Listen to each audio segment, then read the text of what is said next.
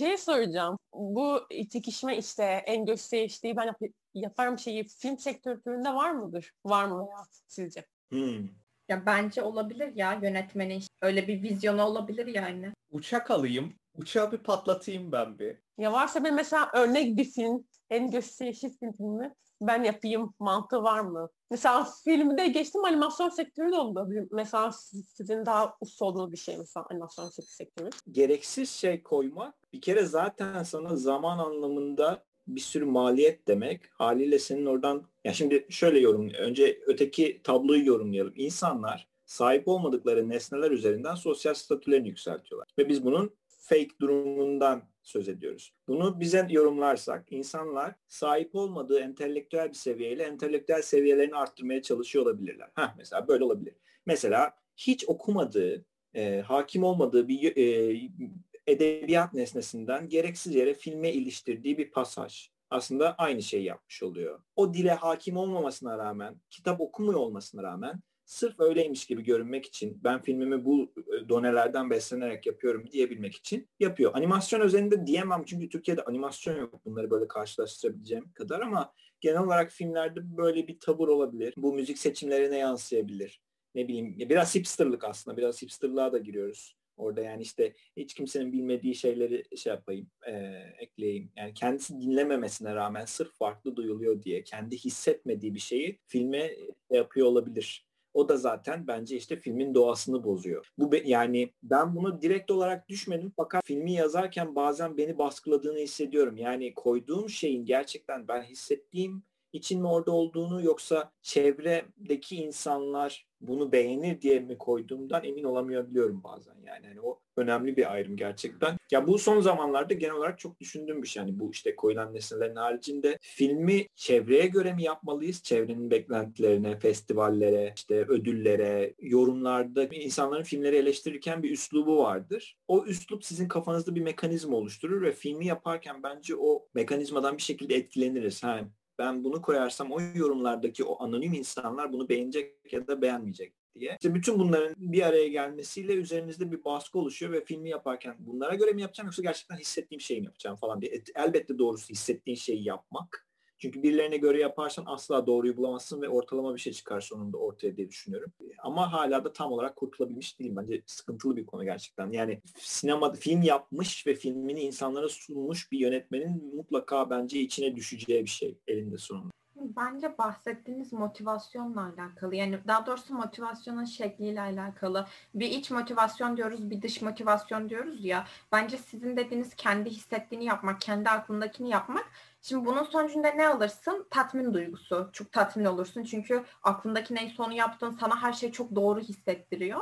Bu iç motivasyon oluyor birazcık. Ama sizin dediğiniz hani işte ödül buna verilecek biliyorsun. Böyle yaparsan buna verilecek. O biraz daha dış motivasyon oluyor. Doğru yanlış demek de ne kadar doğru olur bilmiyorum. Kime göre doğru, neye göre doğru? Bence biraz insanın ne beklediğiyle alakalı. Siz gerçekten sonunda doğru hissettiğiniz bir tatmin duygusu bekliyorsanız diğerini yaparsınız ama belki de hiç böyle bir şey yok insanın. Yani tamam yeter ki ödül alsın, yeter ki çok beğenilsin gibi bir isteği var. O zaman da diğer türlü yapar. Ya ki orada da bir kesin bir yol çizemiyorsun. Ödül alsın deyince direkt ona yaptığın şey çalışmıyor çoğu zaman. O da daha büyük hayal kırıklığı. Hem istediğini yapmamış oluyorsun hem de ödülünü alamıyorsun falan böyle. Bir de e, şu anda artık o şey flu çok fazla. Hani 60'larda bir yönetmen olduğunu düşün. Geçmişinde çok az bir külliyat var. E, dünyanın genel olarak nereye gittiği belli ve biraz daha rahat sanki bir harita çizebiliyorsun kendine. Ama şu an her şey popüler aslında. Yani her nesne kendi kitlesini bulabiliyor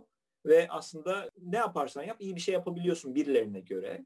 Bu da aslında kafa karıştırıcı bir şey. Yani böyle bir trend yok. O yüzden kendini asla güvende hissederek film üretemiyorsun. Her şey çok karışık. O yüzden bile ne yapacağını bilemeyebiliyorsun. O yüzden aslında yine tekrar en başa dönmen gerekiyor. Ben neyi yaparsam iyi hissedeceğim. Ben film yapmayı en başında neden istiyordum? Ya da işte resim yapmayı ya da heykel yapmayı neyse artık. Neden bunu yapmak istiyordum en başında? Onu zehirlerinden arındırıp tekrar şeye özüne dönmen gerekiyor. Çünkü gerçekten o bütün o takdirler, eleştiriler, şunlar bunlar karşılığında alacağın şeyler çok ze- zehirli yani. İşte geçen işte Flu TV'de Tarkovski konuşuldu işte Tarkovski sineması.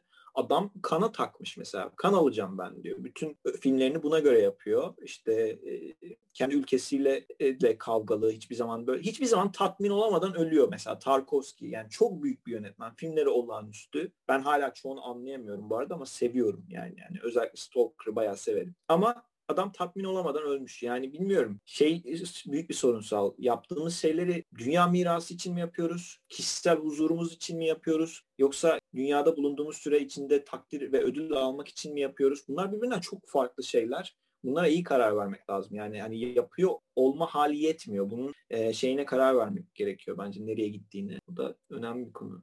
Ya bu son, bu son günlerde çok hırsa bindi bence. Hani son zamanlardır son birkaç mesela film izlemeye daha fazla bir zamanım oldu.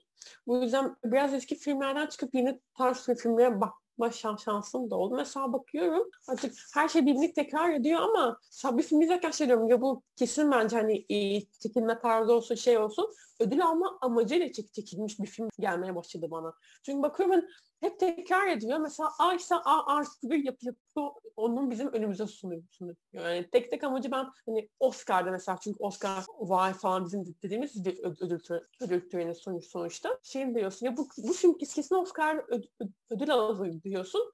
Bir yıl geç geçiyor film aday olmuş mesela Oscar için. Mesela bu çok can sıkıcı bir şey. Artık film ilk günlerdeki sanat anlayışından çok çıktı. Mesela ilk günlerde bizim iz, iz, izlediğimiz mesela en başından bir tane yönetmen düşünelim sanat yönetmeni beyninde olmuşan Alfred Hitchcock mesela mesela o, o, o adamın yaptığı ilk filmine bak, bakıyorum bir de şu anki sinema geldiği şey diyorum, vibe ediyorum yani. Yani o süre içinde ne kadar tekrar edilmiş her şey. Yani insanlar artık bunu hırsa binip ben ödül alacağım. Çünkü sen ödül aldığında senin televizyonlarda adın Oscar'a aday olmuş. Oscar'lı yönetmen olarak geç geçiyor sonuçta. Oscar nedir ya? Dünya, dünya seçiyor senin film, filmini sonuçta. Mesela hani bu ödül törenlerinin de gereksiz e, Nirvana'ya çıkarılması da aslında yani bence buna sebep. Çünkü, çünkü ben son 8, 8, 8 yılda yani ödül alan bir sürü film, filmin ger gerçekten muhteşem bir, bir film olduğunu düşünmüyorum. Ya çok haklısın o konuda ama onun içinde bir paradoks var. Senin o filmlerle karşılaşmanın sebebi ödül olma, alması ya da aday olması. Aslında güzel senin istediğin gibi filmler var. Ama onlar karşına hiçbir zaman çıkmadılar. Çünkü ödül almadılar ya da aday olmadılar. Dediğim formüllerin dışında kaldılar. Sen de aslında sürekli o havuzun içinde kalmak zorunda kaldın. Ee, yani bu ben sen derken aslında ben de yaşıyorum bunu. Yani çünkü bazen karşıma bir film çıkıyor. İşte IMDb'de bakıyorsun puanı 5-9 falan böyle. Rezil bir film diye düşünüyorsun. Asla hiçbir festivalde falan yok. Olağanüstü güzel. Yani hani e, tam istediğin şeyi veriyor sana falan. E ne yapacağız abi? Bütün filmleri mi izleyeceğiz istediğimizi bulana kadar? Bu sorun cevabını bilmiyorum yani. Hani o ödüllü film mevzusu çok sıkıntılı. Hani kolaycı bir çözüm. Yani abi izliyoruz bari ödül almış olsun işte kana seçilmiş olsun falan diyorsun ama orada da işte benzer patternlarla tekrar tekrar karşılaşmak mümkün yani. Hani dediğin doğru. Bence öyle bir şey var. Festival filmi denen bir şey var. İşte kısa filmde de çok gösteriyor kendini bu. Yani ben böyle bazen şeyden bile te- tahmin ediyorum. Filmin şeyini görmüyorum. Mesela Vimeo'da staffliklerde kısa filmi izlerken şeyi görmezsin. İşte hangi festival seçilmiş falan görmezsin. Altına yazarlar. Ama staffliklerde izlerken bir video izledin. Bir sonrakine hiç o tek, tek kısmı çıkmadan direkt at. Filmi izliyorum. Ulan diyorum bu kesin Berlinale'ye seçilmiştir diyorum. Açıyorum. Evet seçilmişlerdi. Yani hani böyle o o kadar oturmuş bir şey ki. Yani bunu bir yönetmen olarak söylemek zor. Çünkü şey diyorlar e, böyle yani şey gibi bir his oluşuyor. İşte sen seçilememişsin seçilenlere bok atıyorsun falan filan diye de bilmiyorum abi aynı şey bu kadar tekrar ediyorsa var orada bir şeyler gibi geliyor. Yani ya buna bakarak ben hiçbir zaman Berlinale'ye seçilemeyeceğim falan diyorum. Çünkü yaptığım filmlerin hiçbir zaman oraya uymayacağını az çok kestirebiliyorum bu durumda. Çünkü abi ben onlardan keyif almıyorum. Hiçbir zaman keyif alarak izlediğim filmler olmadı. Berlinale seçkisinde, Cannes seçkisinde hiçbir zaman hasittir o çok iyiymiş falan dediğim bir filmle karşılaşmadım yani. O yüzden gerçi yok ya bir iki tane oldu şimdi günahını almayayım. Bir tane Ro Fransız filmi var çok iyi. O kadar da kızmasak olurmuş. ya evet çok çok büyük bir şey söyledim aslında da yani bilmiyorum işte genel oturmuş bir şey var ve e, sürekli devam ediyor. O yüzden yani bir çarka oturtup devam et, ediyorlar sürekli. O neyse ne artık. Bence şöyle de bir şey var. Seçilsinler seçilmesinler. Bence son tahlilde o festivallerin de artık eskisi kadar hükmü yok. Yani artık filmlerin sunulduğu ortamlar çok değişti. O yüzden kana seçilmiş olmak bence eskisi kadar fazla şey ifade etmiyor ya da kandan ödül almış olmak. O yüzden çok da önemli değil. Yani kana seçilmişsin, seçilmemişsin. Yani filmi niye yapıyorsun en sonunda? Daha fazla izleyiciye ulaşmak mı? Rakamlar mı orada mesele? Daha fazla insan tarafından beğenilmek mi? Dünyayı mı değiştirmeyi hedefliyorsun? Okey böyleyse eğer günümüzde filmle dünyayı değiştirmek mümkün müdür? Bence o tem, asıl o soruyu sormak lazım. Böyle böylesine büyük bir şey mümkün var falan onlara bakmak gerekiyor. O yüzden çok kafaya takmamak gerekiyor sonunda bence festivalleri falan. Çünkü ben film baktığımda mesela e, işte platformu açtım. İlk geldiğim, e, ilk bastığım tuş ödüllü filmler oluyor. Artık artık ben bende öyle bir şey oluşmuş. Basıyorum tak bakıyorum vay işte burada Brad Pitt oynuyormuş falan ödül almış kesin güzel dediğim açıyorum.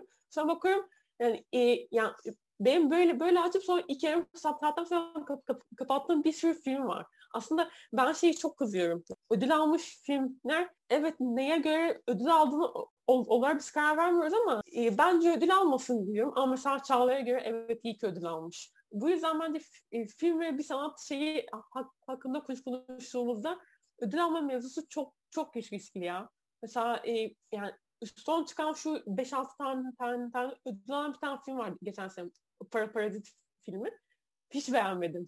Yani şeyin 5 ödül almış. O zaman Nirvana da diyorum. Çekim kartı açtım. Peki dedim kapattım mesela filmi. İşte e, niye o film ödül almış? Hadi parazit bu. Örnek verdim yoksa. Film yine beğenmedim ama hani son zamanlarda çok ödül aldığı için. Ben de beğenmedim bu arada. Ya çünkü 5 ödül almış. En iyi yönetmen, en iyi kurgu, en iyi şu bu bu bu bu. Yani hüs hüsrana uğramıştım mesela. Bu çok büyük bir örnek. Ama mesela ben bu anim, animasyon film, filmleri için hiç görmedim. Mesela en, en, en başından mesela oyun, oyuncak hikayesi. Şey diyorum. Ya mesela aç, açtığımda hep güzeldi olarak kaldı aklıma ve hep izlediğimde de o keyfi aldım ben. O çocukluğumun oyuncak hikayesi şeyi vardı, keyfi vardı. Tam Pixar'a bağladım. Ben de Soul'du, Soul hakkında konuşmak istiyorum. Daha yeni izledim. Ben hala izlemedim onu ya. Spoiler verelim mi sana? Yani verin ya. Yani. yok yok. illegal bir şey satıyormuş gibi. Şey yani Pixar Eris'in dediğiyle şeyi Soul'u bağlayacağım.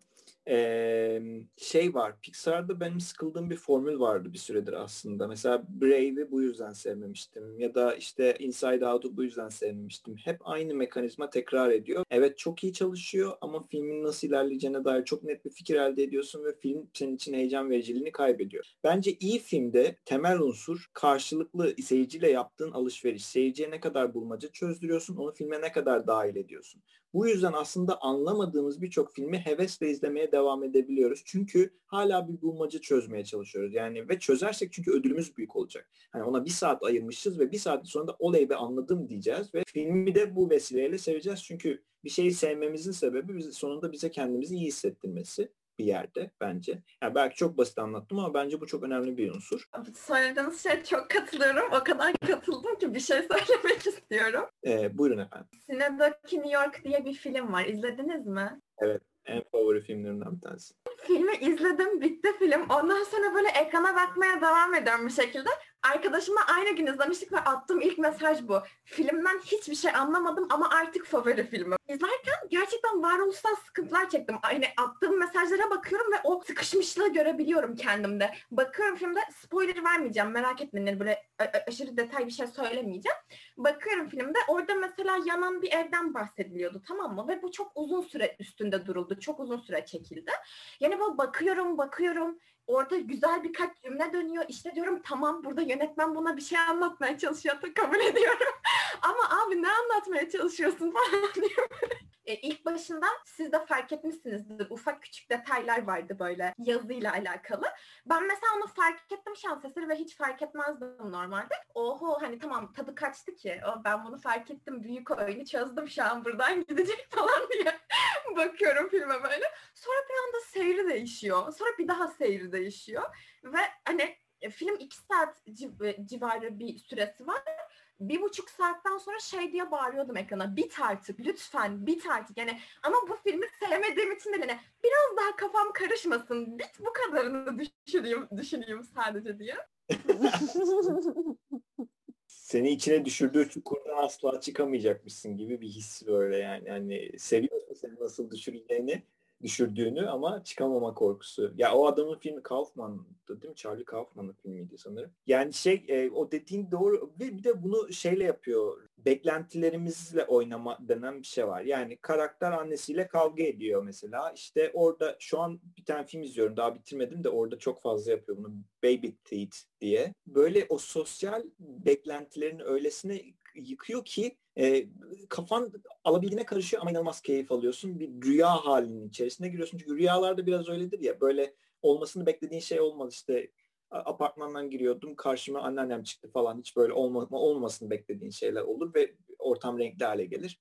Biraz onun gibi yapmak böyle filmi renkli hale getiriyor. Tekrar Pixar'a dönecek olursak Pixar bunu çoğu filminde hiçbir zaman yap. Yani hiçbir zaman böyle senin beklentinin aksinde olacak bir hareket yapmıyor.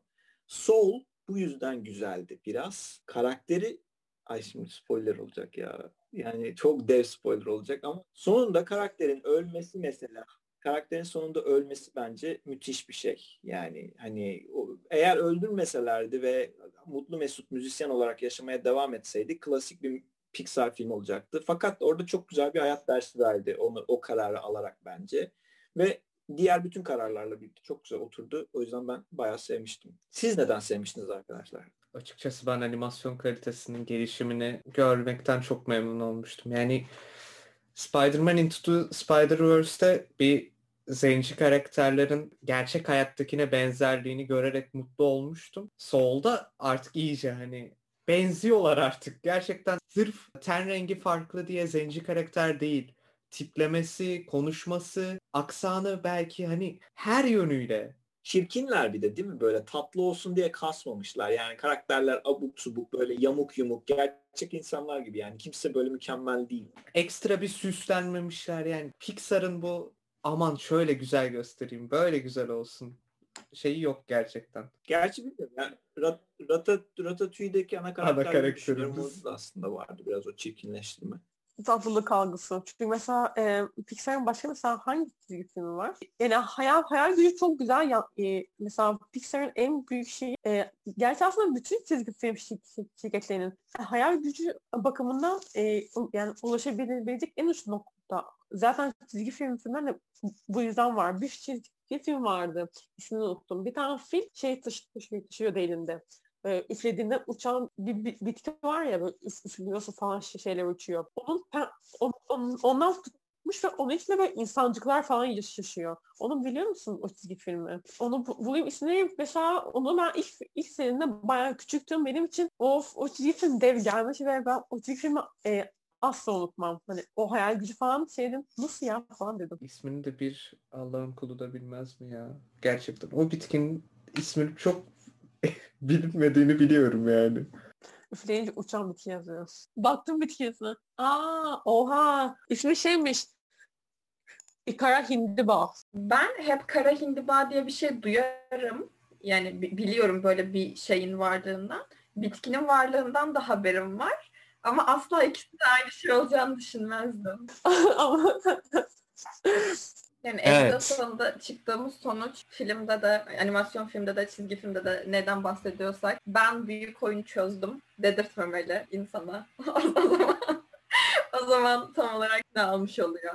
Evet. Ya da yani büyük oyunun gerçekten komplike bir şey olmalı. Yani Matrix'te de söylüyorsun büyük oyunun çözdüğünü ama o kadar önemli bir şeyden bahsediyor ki önemli değil de yani büyük ve üzerine düşünmesi keyifli bir şeyden bahsediyor ki e, keyif alıyorsun. Şey gibi bir şey yani çok basit bir şeyden e, bahsediyor olabilirsin. Mesela çocuk babasından intikam almak istiyor. Bu çok basit bir nesne ama bunu o kadar dolandırarak anlatıyorsun ki o intikam alma hissini iliklerine kadar hissediyorsun. O Kubrick'in şeyiydi zaten hani bir şeyi doğrudan söylemekle hani saklayarak söylemenin arasındaki etki farkından bahsediyor. Tamamen sırrı orada. Yani iyi senaryo falan değil tam olarak mesela. Herhalde iyi yönetmen orada giriyor biraz daha devreye. Yani o saklayabilme kabiliyeti biraz e, güzelleştiriyor galiba işi.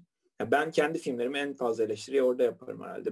Ben çok fazla meseleye odaklanıyorum anlatı biçiminde saklamak çabasına hiçbir zaman girmiyorum. Benim için mesele önemlidir. Ben orada akıllıca bir şey koymak istiyorum ortaya. Yani böyle işte akıllıca bir teori koymak istiyorum ortaya. Sinematik değerini azaltıyor aslında. Ben hala benim hikayelerimin iyi olduğunu ama sinematik olarak zayıf olduklarını düşünüyorum. Belki ikisini bir birleştirebilsem çok daha zengin bir şey çıkacak ortaya. Emin değilim. Ya öyle eleştiri en iyisi. Mevsim bunları söyleyebiliyorsanız güzel bir şey yani en azından farkına varabilmişsiniz. Benim filmimde şu eksik bunun üzerine daha gitmediğim gibi gibi. Ya öz eleştiri bilmiyorum bazen insanlar fazla abartıyorsun diyor da böyle şey fazla kendine giriyorsun diye. Ben bu arada şunu söyleyeceğim. Hani bazen kendimle kıyaslamak çok saçma biliyorum ama hani resim yaparken ben mesela kendime çok fazla kritik verebiliyorum. Kendi emeğiniz olduğu için üzerine düşebiliyorsunuz ve aman şurası da iyi olsun, aman burası da iyi olsun. Limiti çok yükseğe koyabiliyorsunuz. Belki acımasız olmak da söz konusu olabilir yani. Sen filmi o kadar uzun süre görmüşsün ki ya da resmi o kadar uzun süre bakmışsın ki artık onun heyecan verici olan nesnelerini unutmuşsun. Ee, onu ancak yeni gören birisi göre. O yüzden sen saçma sapan şeylere takılıyor olabilirsin gerçekten. Belki seyirci nezdinde hiç önemi olmayan. Ama belki de film gerçekten iyidir bilmiyorum. Bence o sırrı çözülebilen bir şey değil ya. Yani böyle çok büyük yönetmenler bile bence filmleri bittikten sonra filminin nasıl olduğunu bilemiyor bence. Ya bu yüzden psik psikoloji gerilimden her zaman daha iyidir. psikoloji filmleri ben mesela çok seviyorum çünkü gerçekten bittikten sonra 5 saat bana böyle ekrana boş boş bak bakma şey veriyor. Ne oldu bitti? Ben ne izledim? Yani ilk dönemlerdeki pis, pis, psikolojik filmlerle mesela son dönemlerdekine karışmasında çok büyük bir fark görmüyorum ya. Mesela ilk dönemlerde en büyük pis, psikolojik film önerilerinden biri e, David Lynch'in mesela film filmleri. Son dönemlerde mesela Gaspar Noé'nin e, işte mesela Climax'ı falan. Tabii farklılık var da hani e, benim o Climax'tan aldığım psikolojik şey David Lynch'teki neredeyse yakın gibi bu yüzden psikolojik gerilim türünün hala ayakta sağlam bir şekilde hiçbirbirini tekrar etmeyeceğini düşünüp mutlu, falan olurum herhalde. Ya alan da geniş ama yani çok avantajı var aslında. Çünkü bence mutluluk dediğimiz zaman o kadar alanı geniş olmuyor. Mutluluk o, hani o kadar göreceli bir kavram değil. Aşağı yukarı baktığımızda birçok insanı mutlu edecek ortak bayağı bir şey sayarız yani baktığımız zaman ama bir insanı germek ya o kadar çeşitli bir şey olabilir ki bir insan hani çok uç bir şey söyleyeceğim de başka birisinin parmağını görmekten bile geriliyor olabilir hani. Bilemiyorsun ya her şeyden gerilebilirsin ve o kadar çok çeşidin o kadar çok alanın var ki bence tekrara düşmemesinin büyük bir nedeni bu olabilir. Bir şey yapıyorsun sonra bütün herkesin yani bu konuda herhangi bir bilgi olmamasına rağmen herkesin buna ortak bir reaksiyon verdiğini görüyorsun. Yani çok ilkel, üzerine hiç konuşulmamış o güne kadar ama herkes ona aynı tiksintiyle bakabiliyor, aynı sevinçle bakabiliyor. Böyle yani şu an isimlendiremiyorum ama bu ancak böyle sanki sinemada keşfedebileceğim bir şeymiş gibi yazarak ya da gerçek hayatta gözlemleyerek değil de böyle çok derinlerde saklı olan bir şeyi ancak sinema ile ortaya çıkarabilirsin ve herkesin aslında bu konuda ortak bir fikri varmış ve buna tepki vermelerini sağlayabilirmişsin gibi geliyor. Yani ben bunu şeyde çok hissetmiştim işte bu ritüel filminde. Yani orada bir şeyler var. Yani onlar çok basit yani işte korku, gerilim ya da işte e, iğrenmek, heyecanlan bu, bu, bu sıfatlarla tanımlanamaz gibi geliyor. Sanki yeni sıfatlara ihtiyacımız var da e, onları onlarla isimlendirebilir. Ya bu da bu aynı zamanda bunların hepsi bizim ortak bildiğimiz hisler ama henüz isimlendirmemişiz çünkü onlarla gerçek hayatta karşılaşmıyoruz. Onlarla ancak sinemada karşılaşabiliriz gibi olağanüstü bir şey var ki bence sinemayı olağanüstü yapan en unsurlardan bir tanesi bu. Yani o şey gibi 6. 7. 8. hisler gibi onları e, şimdi hislerimizin varlığından onu karşılayan duyarlar olduğu zaman far, var haberdar olabiliyoruz. Yani ışık olmasa görebildiğimizi bilmezdik gibi bir durum var. Sanki sinema işte bu ışık, ses, sıcaklık gibi yeni hislerin keşfedilmesini sağlıyormuş gibi geliyor bana bir yerden. O kadar olağanüstü şeyler hissettirebildiği için. Gündüz çekilen korku filmi. Gündüz. Hiç gece olmuyor. E, hiç güneş düşmüyor. Sen her şeyi açıkta izliyorsun. Aslında e, korku da değil ya. Yani, e, gerilim pardon. Korku, korku demek doğru olmaz. Mesela film bitiyor seni bir şey rahatsız etmiş.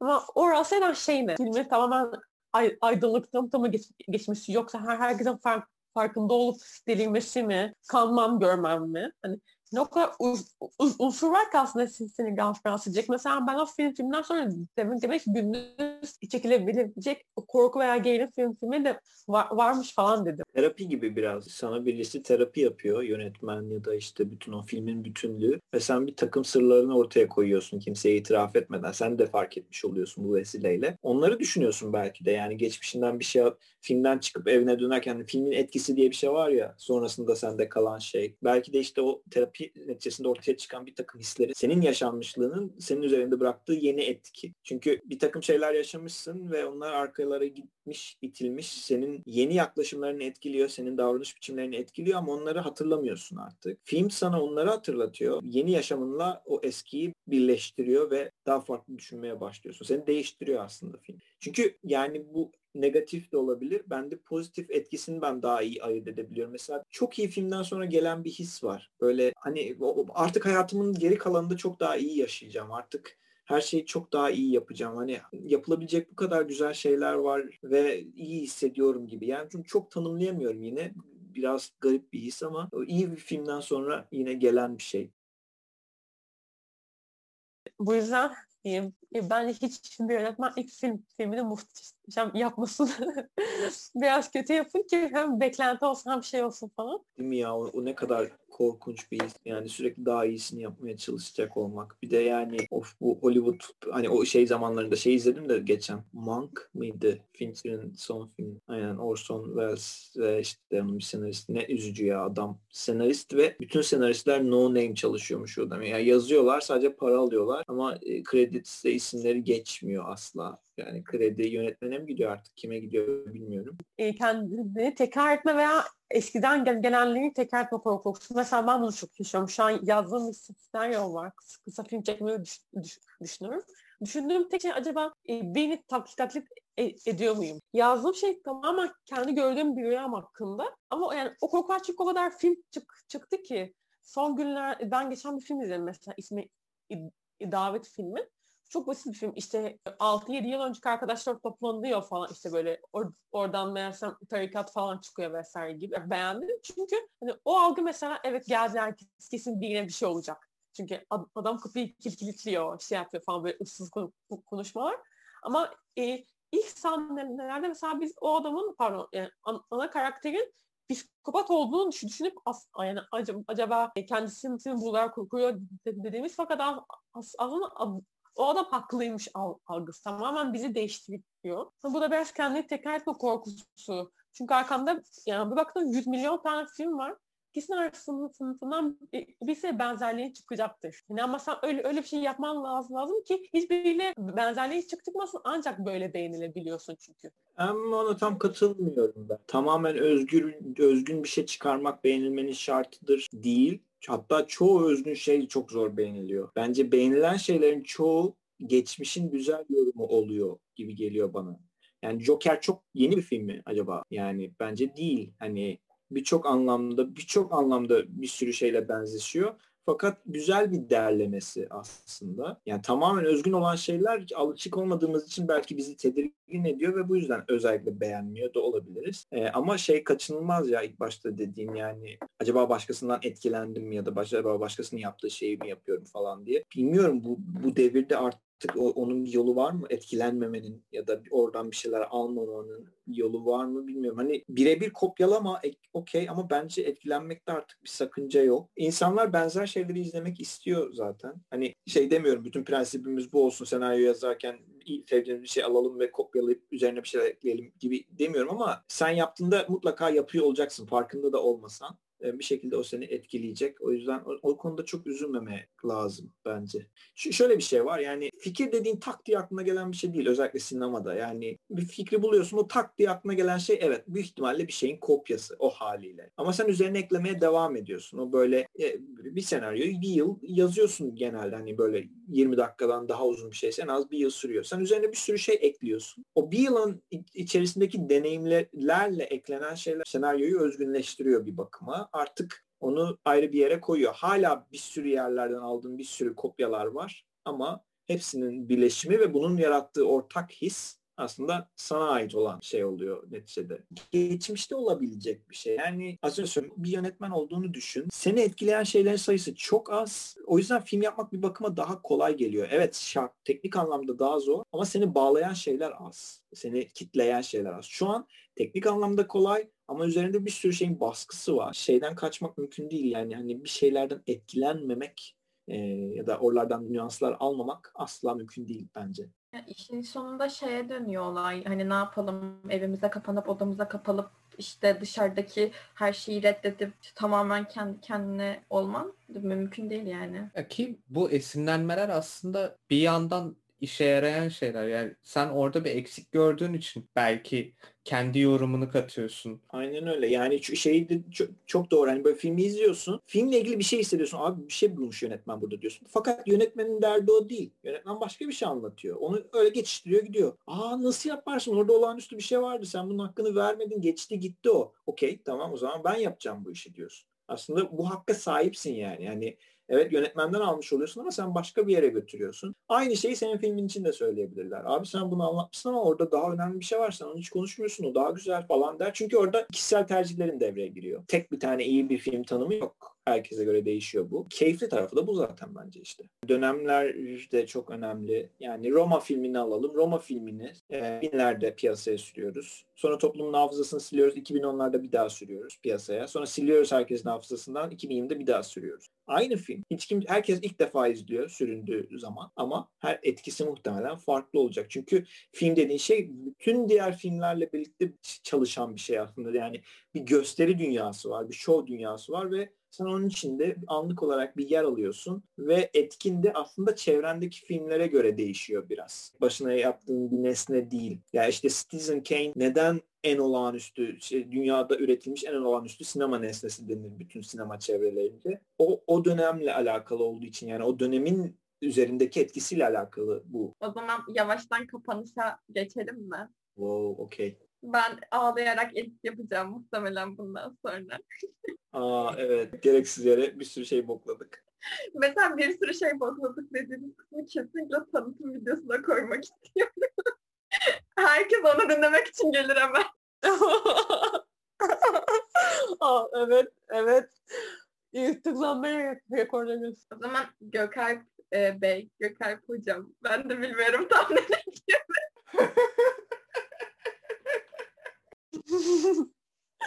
Bey, Gökhan Bey. Plaket verecek misiniz? Bey dedin artık plaketi ver yani. Şey onu yapamam ama şöyle bir şey yapabilirim. Ya. Burada görmeyen arkadaşlarımız için Zoom'un çok güzel özelliklerini kullandım. Teşekkür ediyorum ben de. Kapanışı siz yapmak ister misiniz? Ya biz yaratıcılıkla ilgili falan konuşacaktık. Şimdi hiç konuşmadık. O yüzden ben arkadaşlar yaratmaya devam edelim. Falan gibi bir şekilde bitiremeyeceğim. E, güzeldi. Çok keyifliydi. Ben eğlendim bayağı. Ama sizin bir işinize yarar mı? Aradan bir şey. Bence güzel kısımlar var. Güzeldi, keyifliydi, eğlenceliydi. Ben teşekkür ediyorum. Biz katıldığımız için çok teşekkür ederiz. Keyifliydi, hoştu. Biz teşekkür ederiz. Biz kırmadınız geldiniz. Sağ olun valla. Rica ederim efendim. Ne demek? Ne demek? Dinleyicilerimize buradan hoşça kal diyoruz. Hoşçakalın. Evet, hoşça kalın efendim. Sağlıcakla kalın. thank you